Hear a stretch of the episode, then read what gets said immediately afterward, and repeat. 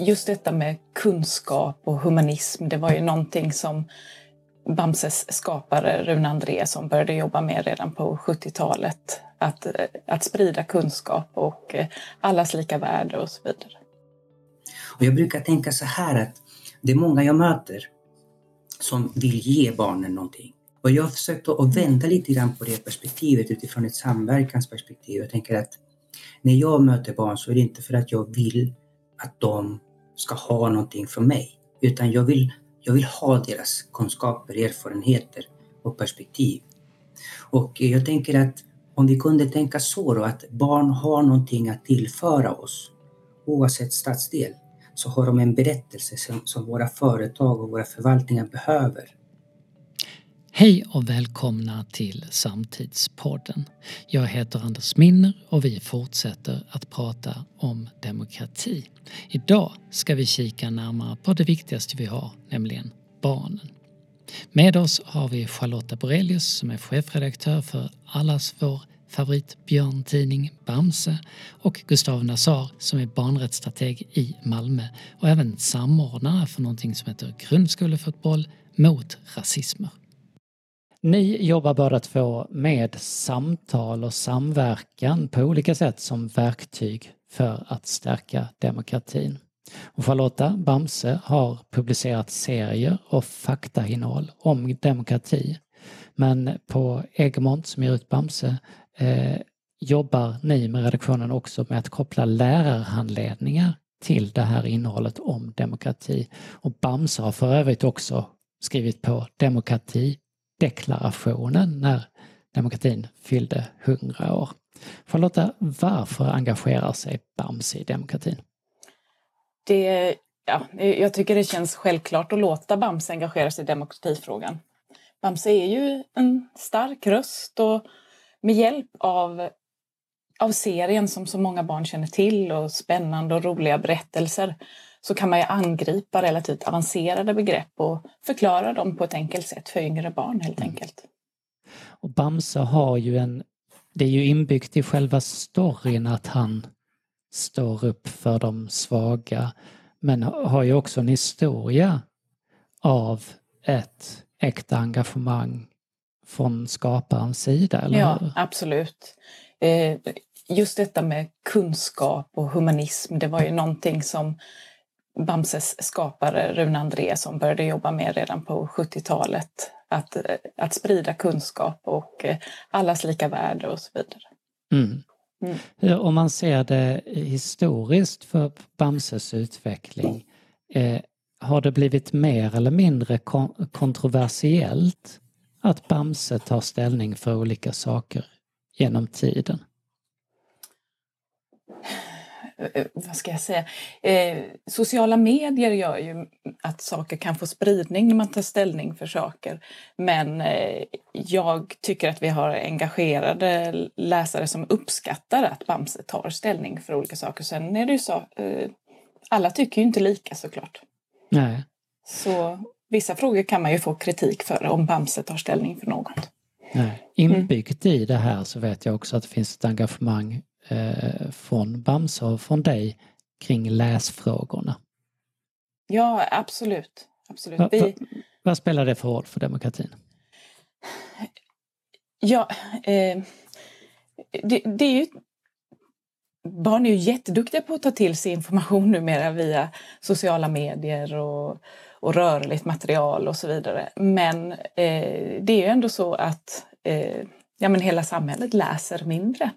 Mm. Och eh, framförallt barn, liksom det här att, att, kanske inte fullt så många går in i den här bokslukaråldern som man gjorde för 20 år sedan eller så. Och det sänker ju läskunnigheten såklart. Och om vi får ett samhälle där vi inte har fullt så många goda läsare så blir det också färre människor som kan ta till sig korrekt information och klara av att vara källkritisk och kritisera ja, onda krafter. Mm. Och nu är det inte alla som är elever eller som är lärare, men de här lärarhandledningarna som, mm. som jag nämnde i början, vad, vad är det för någonting? Eh, det är eh, när vi har jobbat med olika ämnen, vi har jobbat med källkritik och vi har jobbat med demokrati och sen så en rad andra saker som ja, matsvinn och, ja, och så vidare. Mm. Eh, då har vi tagit hjälp av lärare, framförallt här i Malmö, mm. som eh, har hjälpt oss att knyta an de här till skolarbete så att man tar avstamp i serierna för att prata om olika ämnen och det har visat sig att serier är väldigt inkluderande. Att man får med sig även läsvaga elever i diskussionerna på ett annat sätt när man utgår från en serie. Eftersom det finns fler läsingångar, att man även använder bilden när man berättar. Just det. Eh, och, och det här, eh, eh, eh hur, hur spritt är detta? Hur många många är det som, som eh, arbetar med, med det är, och Jag har faktiskt inga exakta siffror Nej. men det jag vet är att till exempel vår eh, handledning om källkritik har ju blivit väldigt spridd. Det är många mm. skolor som har använt sig av. Och eh, det är ju då på serieundervisningen.se som man kan gå in och beställa då klassuppsättningar av de här tidningarna och sen så laddar man ner själva lärarhandledningen.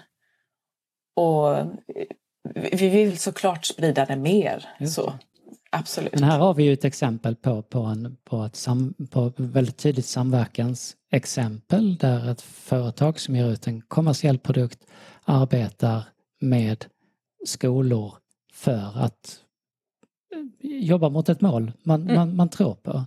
Mm. Gustav, du jobbar ju också med skolorna. Vill du berätta för lyssnarna här om grundskolefotboll ja, det ska mot rasismer? Jag, jag tänker så här att eh, grundskolefotboll mot rasismer det är ju en, en barnrättsrörelse här i Malmö. Och vi tar ju avstamp eh, för den här rörelsen eh, genom, genom läroplanen, värdegrundsuppdraget och där i demokrati och mänskliga rättighetsuppdraget som skolorna har. Eller som vi har. Och utifrån det så har vi funnits nu i 13 år. Och eh, tanken, vår tanke eh, med, med den här processen då, som vi ser, så det är demokratiprocess i Malmö, det är att eh, få möjlighet att träffas över gränser. Och då tänker jag att segregationen skapar ju skilda villkor men också föreställningar. Mm. och vi vill ju hålla ihop Malmö. Vi vill hålla Malmö öppen för barnens möjligheter att skapa bilder och berättelser. Och inte minst framtidsperceptionen där de tillsammans som ett lag kan liksom möta och utveckla eh, demokratin i Malmö. Och, och rent konkret? Ja, vet du vad, vi var fyra stycken för 13 år sedan, fyra skolor. Eh, I år så blir vi 38. Så att eh, det här har varit en process där mm. fler och fler kollegor, barn, unga vill mötas så att vi har en, en process som vi driver under ett helt år. Vi riktar oss till årskurs 6 elever. Eh, och det vi gör helt enkelt är att vi arbetar med barnens mänskliga rättigheter och därmed också med deras demokratiutveckling och samhällsutveckling genom att fortbilda, träffas och skapa tillsammans över de här eh, gränserna som finns. Mm. Fysiska och mentala gränser. Det vi lär oss först och främst, då? utifrån mitt perspektiv tycker jag är intressant därför att när, när jag fortbildar och utbildar i demokrati och mänskliga rättigheter så det är jag som lär mig. Därför att det är barnen eh, och vuxna som berättar för mig vad mänskliga rättigheter är för dem. Och ja. jag lär mig att förstå olika artiklar. För varje artikel i sig, det är ju en mänsklig rättighet. Ja. Och i och med att det är en mänsklig rättighet så är det någonting väldigt intimt. Det är någonting väldigt personligt. Mm. Så att genom att lyssna på barn vad artikel 2 är för något, eller artikel 12 eller artikel, så får jag möjlighet genom åren att försöka förstå vad det här med mänskliga rättigheter är. Så att vi använder oss framförallt av att, från mitt perspektiv så lär jag mig liksom vad, vad det kan vara att vara människa i ett samhälle. Men utifrån barnens perspektiv så berättar de för oss då att vi ställer frågor. Varför? Vad är det du lär dig? Delvis så får de lära sig att de, att de är lika mycket värda. Att de, de är viktiga. Att de har någonting att säga. Och att de precis som vuxna är människor. Så det är det vi hämtar tillbaka mm. från dem. Och eh, också insikten om att deras rättigheter ska de försvara och kämpa för. Men också kämpa för andras rättigheter. Så att det är de lärandeprocesserna som vi kan få tillbaka från, från barn och, och vuxna. Och det här väver ju samman människor. Eh, inte bara i klassrummet utan också mellan skolor. Och mellan skolor och fritids, olika fritidsaktiviteter. Eh, fotbollen, men också med föreningslivet. Så att vi är många aktörer här som går ihop och försöker liksom förlänga och höra på barns berättelser om deras, om deras eh, mänsklighet. Det här med, med lyssnandet, eh, hur mycket lyssnar vi på barn och unga idag tycker du? Vi har precis haft en, eh, en eh, utvärdering då för, från barn och eh, de vill bli lyssnade på. Det är så intressant för att eh, Eh, Barnombudsmannen har gett ut rapporter och, och, om just de här, den här företeelsen då, och eh, återkommande de senaste 20-30 åren så har vi rapporter som säger att de barn blir inte lyssnade på. Och i den berättelsen så, så, så finns ju också ett, eh, en upplevelse från barns sida att de är objekt. Att de är inte riktiga människor i det här samhällsbyggandet. Och det här skapar ju självklart frustration. Det här skapar så att säga en, eh, en stress. Det här skapar så att säga en, en, en eh, mindre mindre, vad heter det, mindre värdeskomplex. Så att idén om att vi alla är lika mycket värda, det är ju liksom en känsla. Det är ju en känsla va, ytterst. Mm. Och den känslan går de inte att verka. Mm. Vi, nu jobbar ju ni båda två i Malmö som är en väldigt segregerad stad. Eh, vad, vad, innebär det som du beskriver om, om man sätter det i kontexten av en väldigt segregerad stad, Gustav? Nej, men jag tänker liksom att eh, här finns ju vissa berättelser. Det finns vissa narrativ som eh, gör sig mer påtagliga än andra. Och det är vissa barns röster som mm. får höras mer än andras barn. Och nu pratar jag lite grann kopplat självklart till klass, kön, och eh, etnicitet, hudfärg och inte minst religion. Att det finns vissa mm. röster som vi rent historiskt har kämpat för att upprätta, upprätthålla och skapa förutsättningar för. Men barns röster, där med olika skillnadsnivåer och maktrelationer eh, får möjlighet att säga själva vilka de är och där kan jag uppleva väldigt starkt från vissa mm. stadsdelar och vissa klassrum att barn känns, känner att det finns en berättelse om dem som inte alls stämmer med vilka de själva upplever sig vara. Så att där har vi en helt obalans i relation till vilka röster som får höras i samhället och det här går barn och bär i sina ryggsäckar och sina kroppar. Det leder till liksom att man slutar tro på sig själv helt enkelt som, som människa. För att jag menar, mm. den här interna berättelsen och den här sociala berättelsen är en förutsättning för ett samhälle och för en människa. Att känna att, att den är en del utav en större berättelse och att man kan vara med och bidra till den berättelsen. Både så säger jag i klassrummet men också ute på stan eller i olika sammanhang. Inte minst i, inom media. Där har vi, har vi in, inrett ett samarbete med Mobile Stories som är ett jättefantastiskt eh, instrument därför att vi ska se till så att barns röster så att säga, överskrider alla gränser så att vi ska skapa ett socialt rum där barn själva skriver sina inlägg och sina livsberättelser om frågor som berör dem. För eh, vi saknar de uh, rösterna och saknar vi de rösterna så förlorar vårt samhälle. Mm. Inte bara i samtiden också, också för deras för Malmös framtid. Och där menar vi på att eh, vi måste erbjuda möjligheter till barn att känna att de är med från en början, att är med och förändrar och påverkar och utvecklar sig själva genom, genom andra och, och därmed också samhället. Intressant, i den, i den första podden i den här serien av Pushpoddar så pratar jag med Navid Esmailsson och Anas Mohammed som bland annat jobbar i, i Lindängen i Malmö för att fånga upp engagemang bland unga och öka delaktigheten i, i samhället. Och vi pratade lite grann om det där att när man kommer ut i utsatta områden så är de ganska mycket lämnade åt sig själva och de föreningar och de krafter som finns där. Det är ju vad segregationen innebär. Det andra, andra delar av samhället så är det väldigt svårt att få engagemang för de delar som man inte ser eller kanske besöker eller bryr sig om. Men ska vi vända en samhällsutveckling så måste vi såklart vara med allihopa mm. på något sätt. Och vi pratar om samverkan här och vi pratar om delaktighet.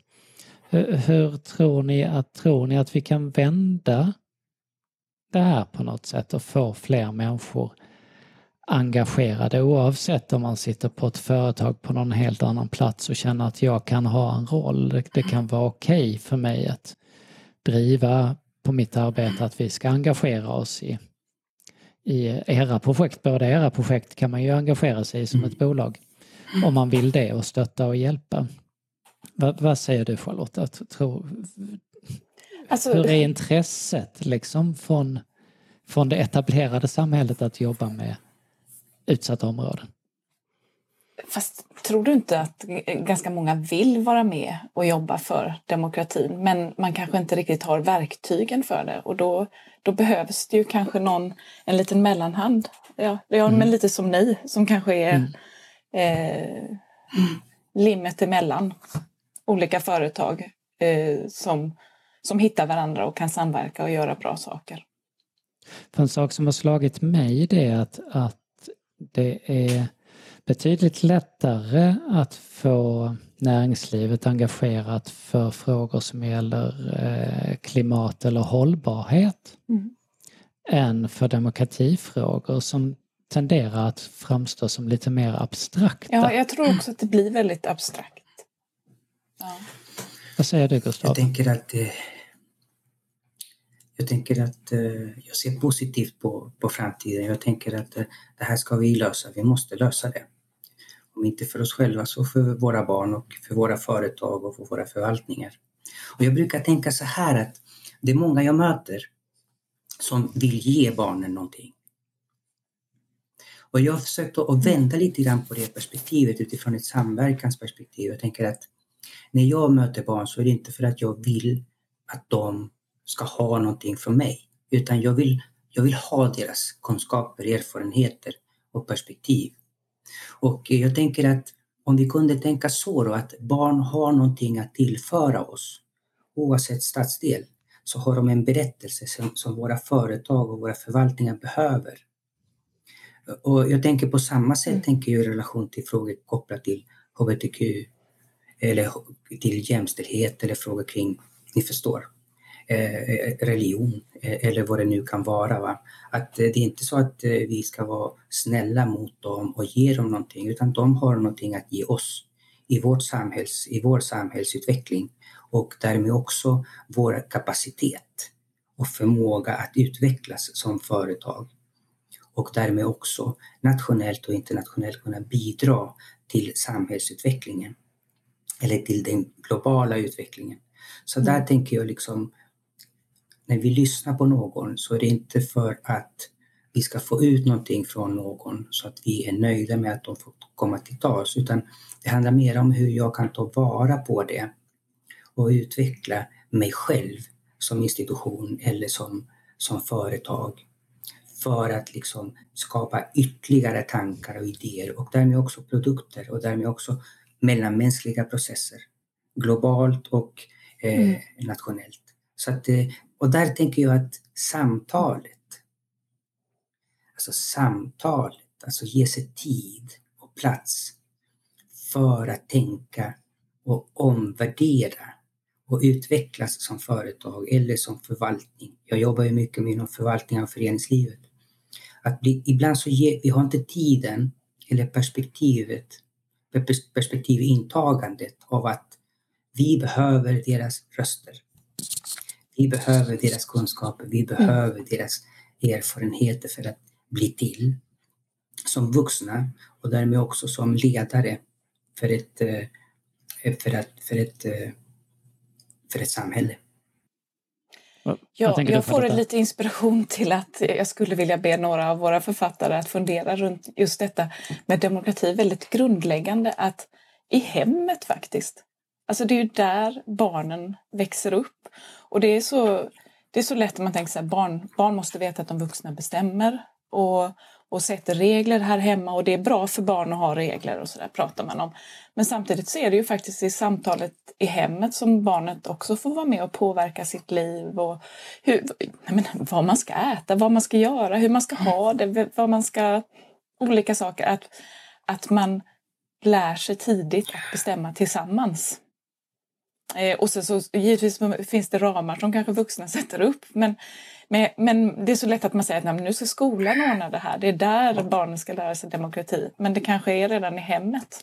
Och det kanske kunde bli någon slags Bamse-berättelse av det på något sätt. Ser du framför dig en Bamse-berättelse här?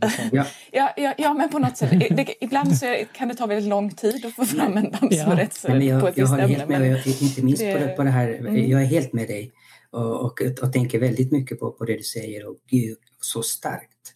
Det är så starkt, det är så demokratistärkande. Tänk om det är någon tredje part som förenar skolan och hemmet och ger dem verktyg för mm. att tillsammans föra en dialog med barnet. Så att inte barnet känner att hen är i två olika världar och måste kämpa i två olika värdesystem. Så att det, det, det ser jag liksom att Mm. Ibland så behövs det aktörer som går in och samlar människor och skapar en överskridande process. För ofta så, ofta så tänker jag på mig själv hela tiden och hur jag ska bli till som människa. Och det menar jag på att tyvärr så råkar ju också mm. samhällsinstitutioner och familjen är en sån, att man reproducerar eh, den kunskap, kunskap en har. Och ibland så behöver vi varandras kunskaper. Mm. Så att eh, en tidning, Bamse, wow vilken kraft. Ja men också att man, att man läser berättelsen tillsammans och kanske kan fundera Precis. runt hur man har det hemma. Så, ja. Ni är ju två eh, personer från, från eh, skilda håll som på olika sätt engagerat er i, i det här fallet då, eh, demokratifrågor via ert arbete.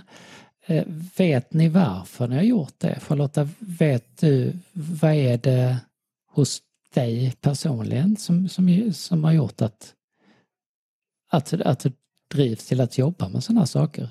Varför är det viktigt för dig? Ja, men, ja, man vill ju göra bra saker, eller hur?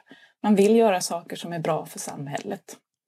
Så är det. Mm. Och sen så jobbar jag ju med någonting som ska vara underhållande och roligt också. Så att det är inte bara så att vi bara kan tänka att vi ska utbilda och lära ut och förändra samhället utan vi, vi gör ju ren, rena äventyr också.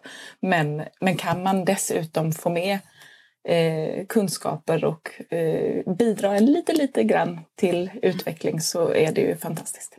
Ja, Gustav, jag skulle säga från två håll. Att jag, jag är född i Chile och så jag levde och växte upp i en demokrati. Och jag kunde också se hur den söks, mm. söks bort. Så att eh, jag har den mm. erfarenheten med mig, så att säga, vad det kunde vara att leva i en demokrati och sen liksom eh, att bli en diktatur. Så att jag har sett övergången och känt den övergången mm. och lever fortfarande i de berättelserna. Så att min relation till demokratin här i Sverige är också en relation till andra delar av världen, för man ser vad som händer. Så att någonstans så måste man ju liksom mm. försöka sträva efter att, att det inte händer här. Att människor har rätt att finnas till här. Mm.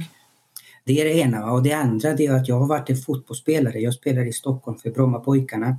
Så att det är fotbollen där liksom jag hade Tommy Söderberg som är eh, landslagstränare som tränare och eh, så att eh, jag har ju både det här liksom eh, idrottsrörelsens kraft att samman, sammanföra människor men också insikten om att vi måste kämpa för att eh, vi måste kämpa för den andra. Vi måste bevara och mm. utveckla den andres möjligheter att bli till. Och det är demokrati en förutsättning för det. Eh, Förlåt Gustavus, stort tack för att ni ville vara med i podden. Vi får väl se om det kan bli ett Bamse-nummer av, av, av det här så småningom. Ja, men nu har jag ju nästan lovat. Mm. Tack så hjärtligt. Stort tack för att ni var med. tack själva. Du har lyssnat på ett specialavsnitt av Samtidspodden som produceras av Altitude Meetings. Den här podden ingick i vår multimediakonferens Push Summit.